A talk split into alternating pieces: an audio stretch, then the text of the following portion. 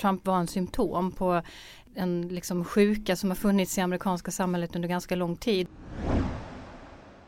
Du lyssnar på Samhällsvetarpodden med mig Ursula Berge. Idag ska vi prata om polariseringen i USA.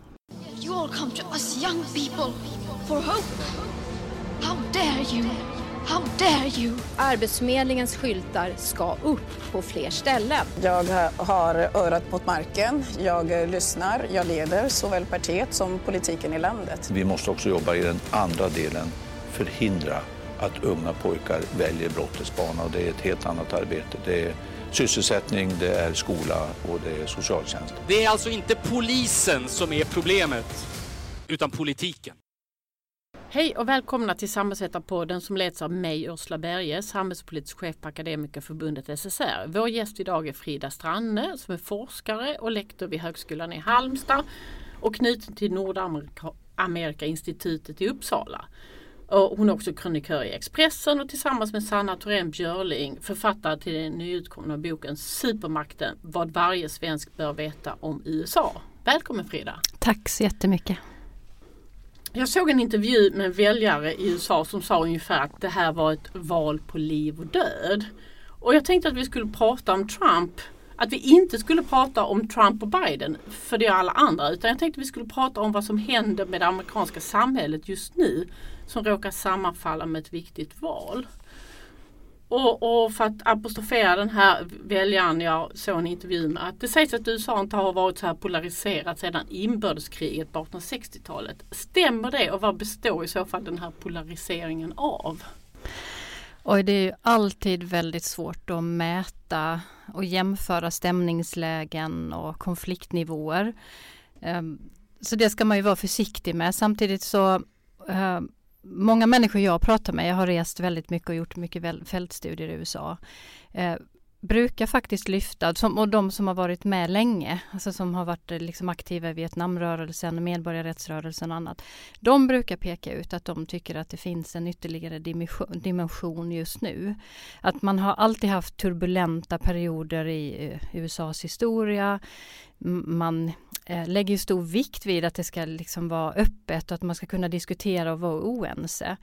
Och det har man varit vid några eh, liksom, specifika tillfällen, till exempel Vietnamkriget. Men då kunde man vara starkt oense och ha eh, politiska möten och annat om den frågan. Men sen kunde man sitta vid samma köksbord och man kunde vara ense om annat.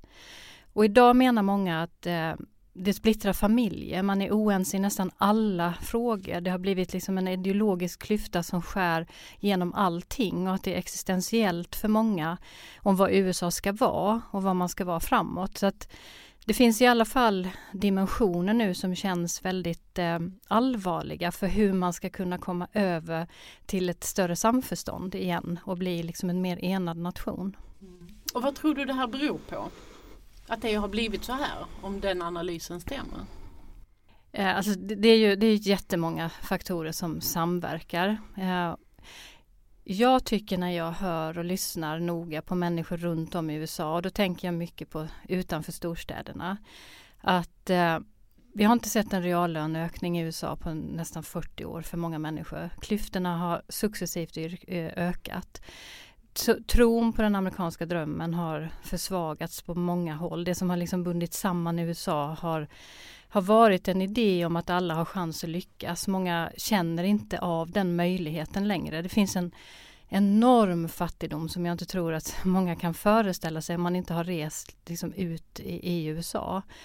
Um, det, det, påverkar givetvis liksom, um, framtidstro, um, hur man, hur man ser på, på sig själv och världen och eh, det skapar liksom mer och mer skillnader mellan människor.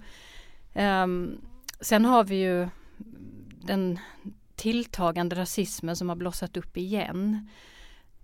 Som är ytterligare en faktor och vi har en, en dramatiskt minskad tilltro till, till, politiker i Washington och det, det spänner också tillbaka ett par decennier. Det är inte så att de har kommit med Donald Trump. Och jämför vi från andra världskrigets slut eller efterkrigstiden då hade 80-85, nästan uppemot 90 procent högt förtroende för politiker. Idag är det nere i vissa mätningar på 10 procent, alltså en av tio amerikaner som känner högt förtroende för politiker. Så det är jättemånga faktorer som samverkar. Mm. Och eh, eh Alltså sådär om man står, eh, befinner sig här i Sverige så kan man tänka att ja, men det är Trump. Det är Trump som polariserar. Men du menar att det är betydligt djupare än så och, och betydligt längre? Jag, jag tillhör de som verkligen vill understryka att Trump är en symptom. Trump var en symptom på en, en en liksom sjuka som har funnits i amerikanska samhället under ganska lång tid. Och jag reste väldigt mycket i USA under hela Obama-tiden. Och Obamas presidentskap polariserade verkligen USA. Det var då också som det lyftes lite unkna stenar och det kom upp en massa uppblossad rasism igen till exempel. Tonläget radikaliserades väldigt framförallt i konservativa radiokanaler till exempel och det blev mer och mer tillåtet vad man kunde säga, vad man kunde påstå. Och vi ska veta att många, många i Sverige framförallt är ju väldigt fascinerade av Obama och tycker att han är liksom en, en fantastisk person och intellektuell och sansad och balanserad. Och, och, det må så vara men för många amerikaner så är det inte någonting som man sätter störst värde i. Många har upplevt att han har pratat till folket över människors huvuden, inte förstått frågorna på landsbygden och för människor som är konservativa utan att de liberala framsteg som han gjorde gick på tvärsen med vad, vad många människor ville. Eh, så att det polariserade också USA och, och, det går att datera ännu längre bak till det. Vi har ju eh, George H.W. Bush som polariserade USA i kriget mot terrorismen och så vidare. Mm. Och jag tänkte om man tittar på sådana här kartor eh, över hur väljarna mm, lär rösta i, i det här valet så finns det ju väldigt tydlig geografisk uppdelning också. Man kan nästan bo i, i Washington DC eller Kalifornien och aldrig möta en person som skulle rösta republikanskt och än mindre på Trump. Och, och vice versa, att bor man i Midwest så, så kan man, kan man liksom leva i, i, en kontext där man aldrig möter människor som skulle rösta på Demokraterna. Har det också accentuerats? Spelar det in att man inte ens möter folk i sin vardag? Ja, man, vi kan ju se att så att säga röda delstater har blivit ännu mer djupröda och blå delstater har blivit mer djupblå. Och det är klart att den uppdelningen också blir tydlig. Det har visat sig i vissa studier, det här ska man inte överdriva, men vi har sett en viss folkrörelse att, att människor faktiskt flyttar från en delstat till en annan av ideologiska skäl. Alltså på, på det sättet att man, om man är djupt konservativ och bor i en liberal delstat så kanske man söker sig till en, en konservativ delstat därför att man känner sig mer hemma där. Och det är klart att även om det inte rör sig om väldigt många människor, bara två procentenheter ännu så länge, så är det ändå någonting nytt som vi kan se hända. Eh, och det, det bekräftar ju bara den här bilden av att människor känner sig väldigt uppdelade. Mm. Och alltså hela urbaniseringen och att, eh, att eh, dit människor flyttar till de stora städerna att de är väldigt blå. Kom, eh, hur kommer detta att påverka i, i det avseendet? Nej, det, det, förmodligen kommer ju den här, de här skillnaderna i uppfattning och vad man tycker är viktigt och hur man vill att liksom politiken ska föras bara att ytterligare förstärkas. Vi, vi har ju inte bara problemet med att människor inte fysiskt träffas eh, idag längre på samma sätt och att man kanske inte möter så mycket människor som är meningsmotståndare om man ska eh, uttrycka det så eh, fysiskt i affären eller hos frisören eller på arbetsplatsen utan det är ju också så att vi lever väldigt mycket i, i digitala stuprör där vi hela tiden får bekräftat vårt, vårt eget sätt att se på världen och det, det förstärker ju allt detta så vi har ju många också aspekter som, som spelar in i detta. Mm. Eh skulle du säga att det här valet är viktigare än andra val för amerikanska väljare? Eller känner vi alltid så här när det närmar sig val i USA? Att det här är det viktigaste valet, att man är mitt i den här bubblan?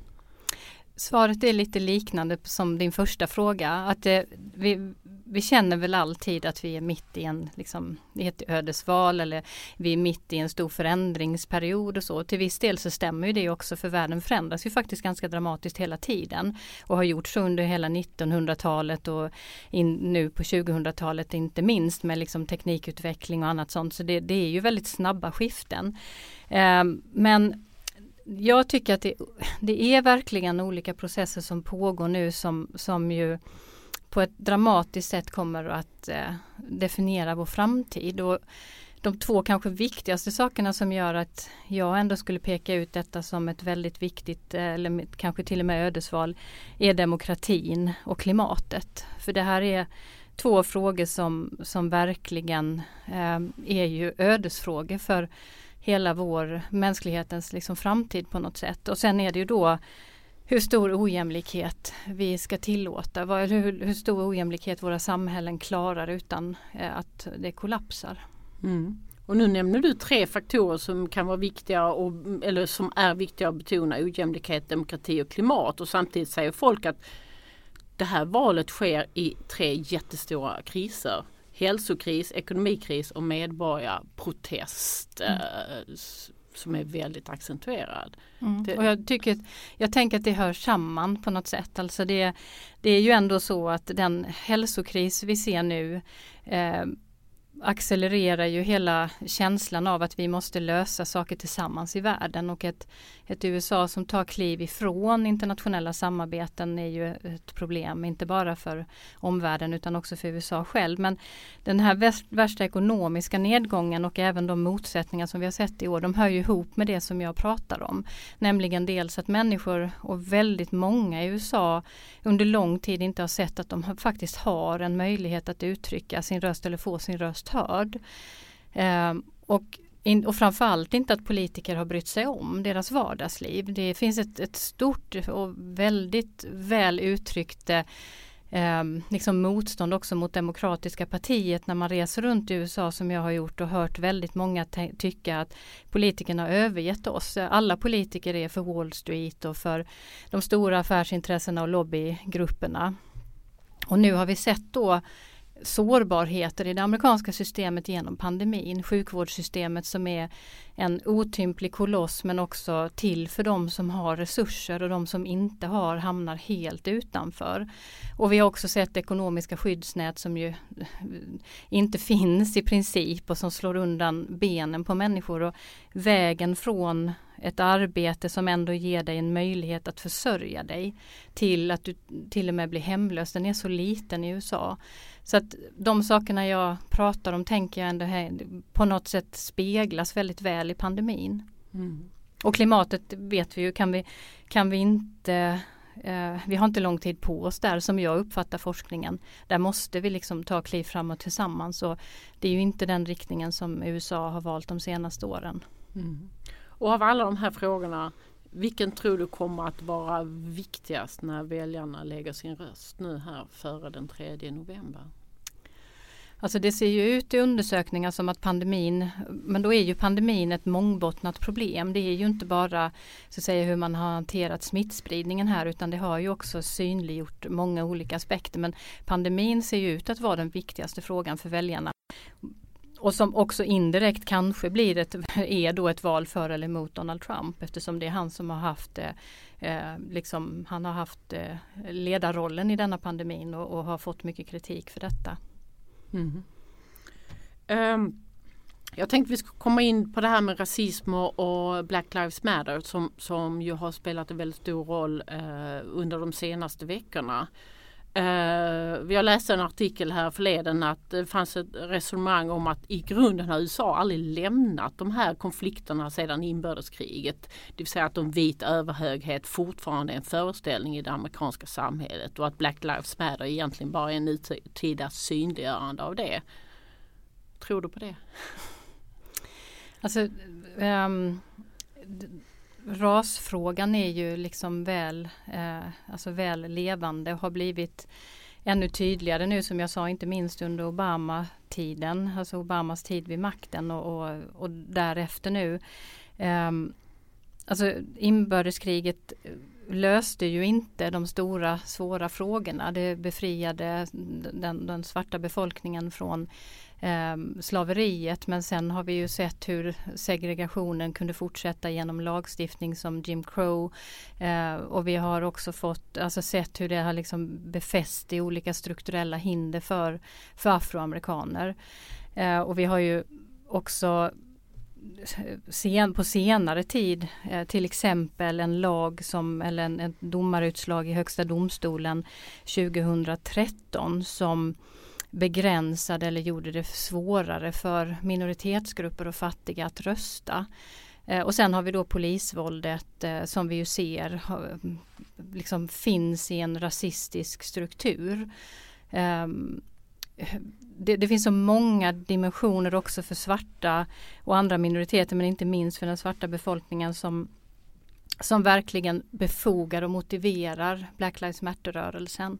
Eh, och som gör den så viktig för att det här är ju en, en grupp som som eh, har det väldigt eh, svårt på många sätt även om det också givetvis finns eh, flera saker som successivt har blivit bättre. Det är, väl, det är, det är självklart men alltså vi, vi får inte blunda för alla de här sakerna som lever kvar. Mm. Vet inte om jag svarar på din fråga. jo då. Ja. Men jag tänkte komplettera med en fråga. Hur mycket tror du att den här medborgarrörelsen Black Lives Matter mobiliserar i det här valet? Alltså det kan mobilisera både för och emot. För att det har ju också kommit med liksom, en massa negativa reaktioner kopplat till plundring och sådana saker. Vad tänker du runt det? Mobilisera detta? Nu är det ju en stor brist för mig i år. Jag har inte kunnat åka till USA. Jag har inte varit där sedan i vintras. Eh, då var jag i den amerikanska södern men det var innan pandemin hade brutit ut och jag har inte kunnat vara där som jag brukar detta valet.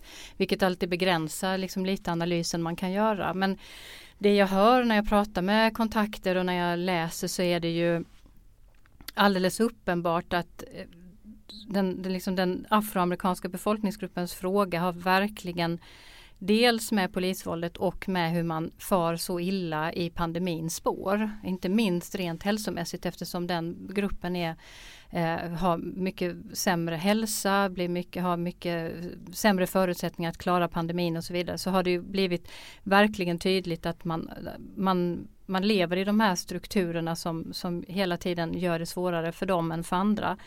Eh, och Tittar man nu på dels undersökningar men också reportage som görs och annat så är det ju många svarta som de köar just nu eh, utanför vallokaler för att förtidsrösta. Och när de får frågor om detta så säger de att det är ett ödesval, att det handlar om eh, om rasismen ska fortsätta och öka och tillta eller om man ska få en president som försöker att eh, eh ta hand om, om de här frågorna på ett annat sätt. Och, så jag tror att det mobiliserar väldigt mycket på den sidan, i alla fall vad det, vad det ser ut att göra. Men sen är det ju också de här protesterna och vi vet att för många det, både mittenväljare, republikaner och högerut så är ju lag och ordning en avgörande faktor. Och eh, med upplopp oavsett vad de beror på, vad det är som stör ordningen i de här fredliga demonstrationerna och hur många det är som deltar i våldsamheter så blir ju frågan eh, väldigt mycket en fråga om lag och ordning. Eh, så det kan också mobilisera från det hållet så att det, det, det är från två håll. Mm. Eh, vad är din analys av hur eh, eh Donald Trump har valt att hantera det här? Han har ju ja, ska jag säga, har haft en del formuleringar som, som i alla fall ur en svensk kontext framstår som att man inte så att säga tar, tar ehm, så att säga ifrågasätter eh, vit makt eh, reflektion, alltså sidan och utan att han har, han har varit ganska luddig i de här frågorna. Hur tolkar du det? Jag tolkar det som att han dels eh, söker mycket stöd ifrån eh, republikanska väljare, inte bara sin kärntrupp utan också faktiskt mycket av de här föreställningarna som finns som kanske är mer eller mindre uttalade bland republikanska väljare högerut. Eh, eh, och då menar jag just de här sakerna liksom kring lag och ordning och annat sånt och att man eh, har en bild av att eh, de här upploppen går till på ett speciellt sätt och att man liksom behöver, alltså man vill värna och prioritera lag och ordning före då eh, rättigheterna att demonstrera och visa sin uppfattning och så vidare. Eh, och han eh, han uppviglar ju till och med till våldsamheter emellanåt vilket ju självklart är, oerhört allvarligt. Han har ju inte eh, agerat i någon sorts enande eh, ton. Han har inte heller liksom eh, haft någon attityd av att liksom minska konflikten utan verkligen till och med försökt och, och, ja, eller jag till och med uppviglat våld vilket ju är, är jätteallvarligt och jag tror att han eh, beräknar att han ska kunna vinna på det eller åtminstone har gjort det tidigare. Han har ju haft liksom Nixon som förebild i slutet av 60-talet som hade hela det här lag och ordningskampanjen eh, och även eh, eh på 80-talet så fanns det liksom en tydlig känsla i valen att de avgjordes på grund av lag och ordningsfrågor och annat sånt. Så att jag skulle tänka mig att det bottnar i det. Det är i alla fall vad det verkar som. Men eh, han troligen om man tittar på hur det utvecklar sig i USA just nu när det kommer till opinionsmätning så har han gått några steg för långt och det verkligen väcker väldigt mycket motreaktioner som mobiliserar eh, väljare som verkligen sätter sig emot den typen av retorik. Mm. Har han då övertolkat kraften i argumentet lag och ordning? Att eh, han har tänkt sig att det är det han ska vinna valet på men det kanske är annat som väljarna väljer utifrån? Det, det är jättesvårt att säga innan valet är över men, men där vi står nu om opinionsmätningarna visar sig vara korrekta och att vi liksom har ett sådant valutfall som det ser ut att kunna bli så skulle jag tro att han har övertolkat det därför han har också kanske missbedömt då eh, Dels det här med att många vita också idag har ställt sig på Black Lives Matters sida. Vi har sett många från den vita majoritetsgruppen faktiskt gå ut och demonstrera tillsammans med afroamerikaner och som har sagt, liksom, sagt att enough is enough på något sätt. Vi kan inte ha det så här längre och vi, man, man vill försöka att nå framåt i de frågorna som rör rasism och polisvåldet inte minst ju som har varit så förfärande att se. Um, men, men det är klart att vi vet inte och här är det två veckor kvar till valet. Um, vi vet att eh, upplopp och skulle det bli mer oroligheter leda till våldsamheter som oavsett liksom om det är en berättelse som får fäste eller om det är sant med upplopp och att det skulle vara afroamerikaner som startar olika typer av våldsamheter så, så räcker ju det ibland för att liksom vända opinioner eller åtminstone påverka väljare i en annan riktning. Så att den måste vi återkomma till den frågan tror jag till efter valet. Mm. 4 november vet vi kanske. Mm. Du, vi, ja, vi pratade tidigare om det här med polarisering och, eh, eh och, och, du nämnde det här med eh, sociala medier och digitaliseringens roll i det hela. Jag såg en film för inte så länge sedan som heter The Social Dilemma. Och den handlar om ett, ett gäng avhoppade chefer och programmerare från de största sociala mediebolagen i USA, Facebook, Google och så vidare. Och de menar att polariseringen i det amerikanska samhället och, och på andra ställen kom, kommer ur sociala mediers algoritmer som förstärker filterbubblor och polarisering. Och, och någon där trodde till och med att det här kommer leda till inbördeskrig för det är eh, eh så kraftfulla verktyg. Och vad tänker du om sociala mediers roll vad det gäller polariseringen i det amerikanska eh, samhället och både i politik och samhälle? Ja, alltså, jag tycker att det, det blir allt mer bekymmersamt med sociala medier. Det här som vi har tänkt oss med informationsspridning, tillgången till information, att eh, liksom förkovra oss, att kunna mötas, att kunna lära känna varandra digitalt till och med utan att man har träffats och man mötesplatser och annat. Att det blir allt mer tydligt att det här istället snävar in vad, vad, vi ser, vad vi får information om via algoritmer men också att vi själva väldigt tydligt inskränker oss i hur vi kommunicerar och vem vi pratar med och vilka vi har i våra nätverk och vad vi delar. Eh, och det är ju alldeles uppenbart tycker jag eh, utan att vara alls forska egentligen om sociala medier att det här skapar stuprör och det skapar inomgruppsliga liksom, diskussioner som också kan hetsas fram, väldigt, väldigt aggressiva tongångar. Och det är ju oerhört mycket konspirationsteorier som florerar. Det är mycket hatiska utspel, det är alltså ordvalen och sättet vi kommunicerar har ju blivit ganska förfärligt och det, jag tycker bara att det är viktigt i de här sammanhanget och också se till sig själv. Alltså inte bara peka på trollen och algoritmer och annat sånt utan liksom eh, verkligen vad delar vi, vad tror vi på, på på sociala medier? Behöver vi gå i polemik om allt? Alltså hela den här tonfallet som har blivit och det, det genomsyrar ju så mycket nu att vi har ju tappat bort liksom det goda samtalet och det, jag tror att det har jättestor inverkan på det som händer i USA nu när det gäller polariseringen och jag tror att det är en väldigt försvårande faktor att ta sig ur det. Det som händer, alltså polariseringen, att mötas på, på annat sätt. Och det är jättestora risker med det när det kommer till de här faktorerna just som också kan verkligen få folk att ta till vapen och våld och, och få historieberättelser som är eh, helt extrema och helt osanna men ändå som blir verkliga för människor som går in i de här bubblorna. Mm. Alltså, man har ju, jag hade länge bilden att, att 2016 då, hade vi, då blev eh, Trump eh, vald till president och, och, och då plötsligt var det var March for Science. Vi hade liksom, plötsligt började han prata om, eller han pratade länge om fake news och det var, sanning blev relativt och så vidare. Att det var någonstans där det började det här med filterbubblorna och att vi, vi polariserar oss i vad vi tar till oss för information. Men, men eh, de här um, sociala medierna, uh, människorna menar ju att det är i grunden att han bara är ett symptom på, på hela den här sociala, sociala medier-polariseringen. Mm. Hur tänker du där? Uh, nej, utan att vara speciellt insatt i de, liksom just algoritmerna. Jag har också sett den här dokumentären. Jag tycker att man ska titta på den för den är väldigt, uh, liksom, alltså man får verkligen upp ögonen för mycket.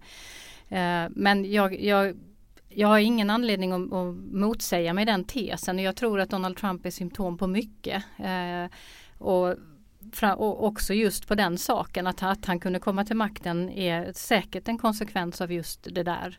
Eh, algoritmer och delningar och fake news och hur, hur, hur det är så lätt att ta till sig eh, konflikter, osanningar, lögner, konspirationer, hur, hur mycket lättare det verkar vara att sprida den typen av desinformation än det är att eh, sprida förnuft och, och, och liksom lugna samtal. Och det är där jag menar att jag tror att vi måste alla gå till oss själva också. Liksom för att det, allt handlar nästan om att man ska liksom basunera ut och skrika ut sin åsikt om olika saker och väldigt få som lyssnar på andra. Så att där är, där är liksom hela samhällsklimatet eh, men där kommer då de här extremerna i form av Trump och anhängare till konspirationer och annat liksom som symboliserar det, det, den värsta avarten kanske i det här. Mm. Jag tänker bara om man går till sig själv så det har väl hänt mer än en gång att jag har avföljt personer på Twitter som jag tycker är helt knäppa i huvudet och egentligen är det kontraproduktivt för en demokratisk samtal. Att man, det slutar med att man bara har kvar de som man håller med. Mm. Jag orkar inte ens vara på Twitter av den anledningen. Jag, jag har ett konto men jag håller mig därifrån så mycket jag kan. Jaha. Men jag följde de här eh, sociala medier eh, personerna som hade hoppat av de här företagen för att de var så förfasade över det. Att jag följde deras råd att ta bort alla not notiser kopplat till det här för att det styr också. Mm. Som ett tips till er där ute. Jag tänkte vi skulle prata lite om den amerikanska demokratin och hur den mår. Ja, vi har ju ett val nu här om några veckor. Hur mår den amerikanska demokratin generellt sett? Jag, jag låter alltid som en alarmist eh, men jag kommer inte runt det. Jag, jag är bekymrad av många olika skäl. Jag har redan nämnt en sak och det är förtroendet för politiker som är väldigt, väldigt lågt. Och det är självklart allvarligt. Vi hör ju också nu eh, i det här valet hur man på olika sätt eh, eh, underminerar känslan för valet rent konkret genom att säga att det finns stora risk för valfusk och mm, så från, från administrationen i USA. Vilket oavsett vad man tycker om politiken är ju en allvarligt liksom, sätt att underminera folks känsla för eh, hur valet går till och att det blir giltigt. Men sen är det också många aspekter i det amerikanska systemet som på senare år har, har gett skäl att reflektera. Eh, inte minst är det ju pengarnas inflytande i politiken som ju bland annat genom ett HD-utslag 2010, Citizens United Act, gav möjligheter för enskilda bidragsgivare att skänka hur mycket som helst. Och undersökningar, jag tror det var Chicago University, men det får jag låta vara osagt, som gjorde en undersökning eh, för några år sedan och vi kunde visa att eh, av 1800 lagförslag så hade folkopinionen ingen inverkan eller oavsett om folket var om 10% var för en lag eller om 90% var emot eh, eller oavsett om det ena eller det andra gällde så var det alltid 30% chans att lagen eh, gick igenom. Vilket indikerade då visade enligt forskarna att eh, det är alltid lobbygrupperna som har största inflytandet. Och det är givetvis ett stort problem. Eh, sen har vi valdistrikten hur de ritas. Eh, som för de flesta svenskar som är intresserade av amerikansk politik har blivit känt nu, gerrymandering, att man kan rita valdistrikten eh, var tionde år utifrån folkräkningar och göra det på ett sätt som, som gynnar det egna partiet. Och sen har vi också då väldigt bekymmersamt eh, 2013 så dömde HD också ehm, ehm, i eh, ett utfall att man inte längre de lokala delstatsreglerna för, för val, vallagar eh, inte behövde gå via justitiedepartementet utan man fick införa lokala delstatslagar som vi vet och ser nu har försvårat möjligheterna för många att rösta genom att man det finns ingen regel för hur många vallokaler man behöver ha eller hur många personer som ska bo i ett område. Eh, man har olika identi alltså hur du ska identifiera dig som väljare ser olika ut. Vissa delstater accepterar vapenlicens eh, men inte ID-handlingar som ofta minoritetsgrupperna har. Eh, gynna vita väljare. Eh, det kan vara så långt till vallokalerna att de som är fattiga eh, har inte ens råd att ta sig till lokalen. Öppettider som gör att människor med flera jobb inte har möjligheter att stå och köa eh, eller vara på vallokalerna medan de är öppna och så vidare. Och det här är ju alla aspekter som på olika sätt påverkar valdeltagandet och vilka som röstar. Och det är också problematiskt. Och till det har vi, är vi mitt i en pandemi där det är svårt att stå och köa. ja, nu verkar ju eh, folk faktiskt hitta sätt att komma runt det. Vi, mm. vi kan väl vänta oss ett, ett högt valdeltagande vad det verkar men det får vi också vänta och se. Ja, och sen är det det här med poströster, mail-in ballots och uh, hur det påverkar och där man redan nu ser, ser signaler om att det, det kommer att ifrågasättas de, de rösterna. Eh, ja, och det är det som är det stora problemet att, att liksom den sittande administrationen redan har, har alltså haft en berättelse hela året om att detta hotar liksom säkerheten kring valet och att vi, det inte kommer bli ett rättvist val och att det är fusk och så vidare. Och det finns ingen forskning som stöder att det, att det finns något direkt valfusk i USA. Det är väldigt, väldigt få tillfällen och väldigt små antal.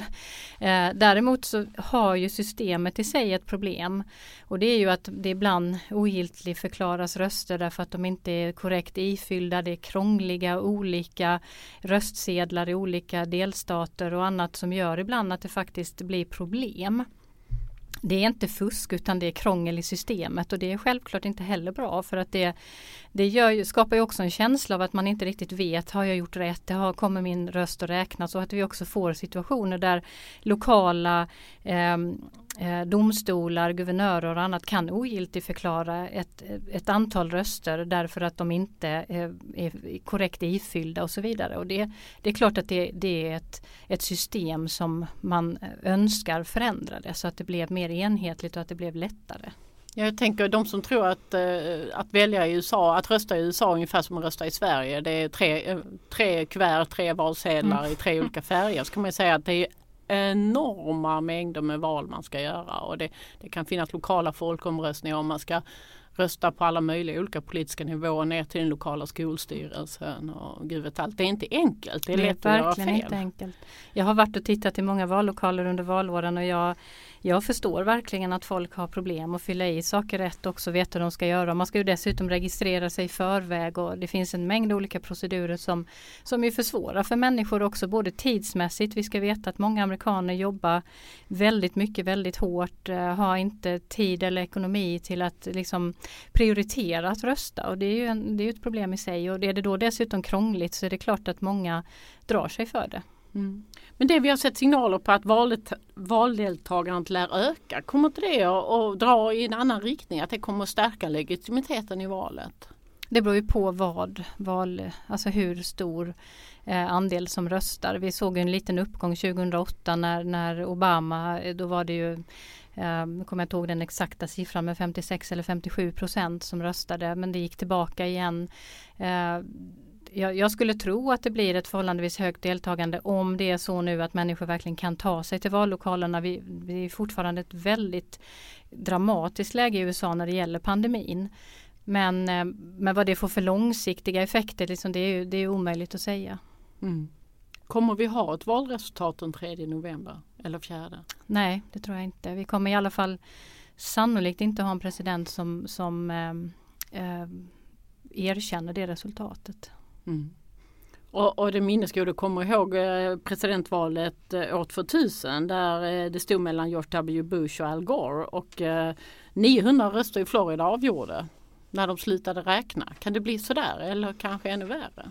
Ja, det kan bli på alla möjliga sätt och här handlar det ju också om att vi, det, det, finns väldigt många olika sätt och det, det, är för krångligt för att gå in på här men det kan ju hända att man eh, vill räkna om vissa distrikt, att man ogiltigt förklarar vissa delar av, ett, eh, av en delstatsröster och så vidare. Lokala domstolar som sagt och guvernörer som kan avgöra men det kan också gå upp till högsta domstolen och då vet vi nu att man håller på att rösta fram de närmaste dagarna här nu en, en ny HD-domare och att vi har en ganska betydande liksom konservativ majoritet. Även om domarkåren inte är politisk så är det ju eh, mycket som talar för att det skulle kunna bli ett eh, fall där man röstar eh, till den sittande administrationens fördel om det når så långt.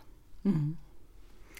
Um, vilket valresultat skulle vara absolut bäst om du som statsvetare tolkar vad skulle vara bäst för den amerikanska demokratin? Skulle det vara en jordskredsseger som, man, som gör att det spelar ingen roll om det blir lite fel här och där utan det här är ändå så entydigt? Eller vad, vad skulle verkligen stärka den amerikanska demokratin?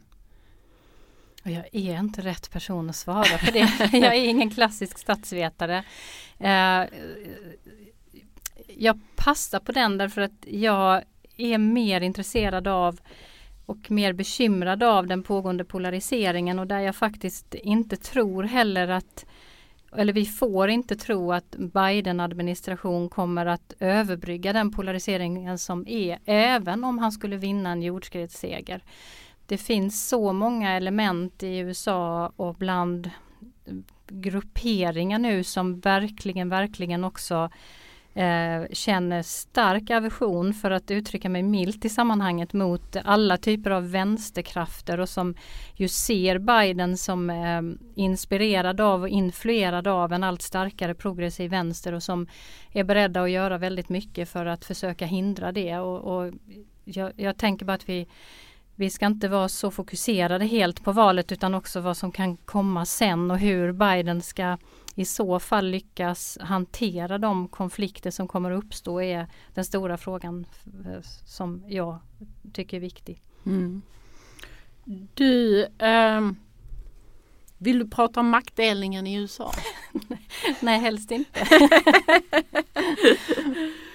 Nej men äh, okej, okay, vi pratar om, om polariseringen. Eh, hur eh, oavsett hur valet är, hur, vilka strategier skulle liksom en, en, eh, en ny eh, en president och en ny majoritet i senaten kanske eller en gammal eh, och dessutom då eh, en olika majoritet i representanthuset. Hur kan det politiska systemet börja hantera den här polariseringen och göra någonting åt den? Oj. Oj. nu, nu är jag ju inte så duktig på att liksom komma med konstruktiva lösningar som jag är att identifiera problemen kanske. Um, det jag har hört genom åren ifrån väljare, bland annat det som jag fick mig att poängtera det här med Obama, hur man uppfattade honom på många håll, så tror jag däremot, så tror jag verkligen att det är viktigt att um, det som en Biden-Harris administration uppfattas som eh, sunt förnuft och eh, bra framtidsval och så inte med automatik liksom landa väl i den amerikanska befolkningen. Man måste vara beredd på att lyssna till motståndarsidan och kompromissa även på grundläggande värdefrågor tror jag. Så man kan inte tala om eh, vapen, hbtq-rättigheter, klimat och annat sånt liksom utan att på något sätt ändå förstå att man står väldigt långt ifrån varandra. Men hur det Samtidigt så vet vi ju att problemen till exempel med klimatet inte kan låta vänta på sig. Vi kan inte vänta in liksom klimatskeptikerna heller. Så det, det, är på många sätt en sån här olöslig konflikt som jag är bara väldigt tacksam att jag inte sitter i situationen att jag ska eh, hantera det. För att det är en jättemånga frågor som är så uppsplittrade som jag sa ideologiskt, värdemässigt och också olika beskrivningar av verkligheten som är det stora problemet. Att man har verkligen olika bild av vad som är sant och vad som då därmed också måste göras. Och det är ju ett jätteproblematiskt läge men man, man kommer ju behöva och det får vi se indikationer från Biden att han kommer att ta in mycket konservativa och republikanska företrädare i en administration. Både som politiska rådgivare men kanske också i strategiska poster. Och det tror jag är verkligen en, en nyckelfaktor att åtminstone börja där. Att tydliggöra att man vill vara en administration som har avsikten att jobba över vissa gränser och, och försöka komma samman kring de stora frågorna. Men då, då, kommer vi ändå tillbaka till det här att eftersom skiljelinjerna är så avgrundsdjupa så, så kommer det ju ändå bli väldigt knöligt och väldigt svårt.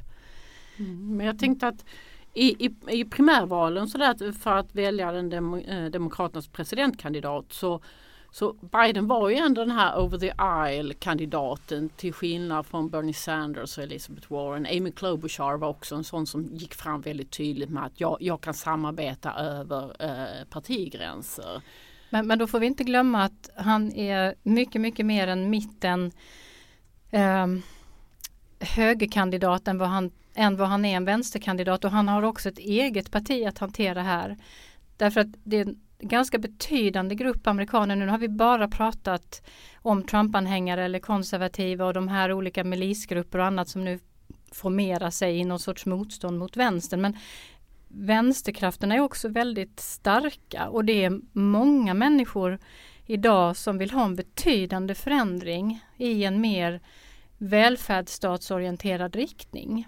Eh, och de är inte beredda på heller på vilka eftergifter som helst längre. De tycker att de har eh, blivit överkörda eh, under lång tid. Den, den, unga generationen ser inte med samma skräck på socialdemokratiska, socialistiska stater eller välfärdsstater. De träffar andra ungdomar via spel, via sociala medier, via ett annat typ av resande före pandemin som gör att de har avdramatiserat den här skräckbilden av, av liksom socialism som annars har karaktäriserat USA så i grunden.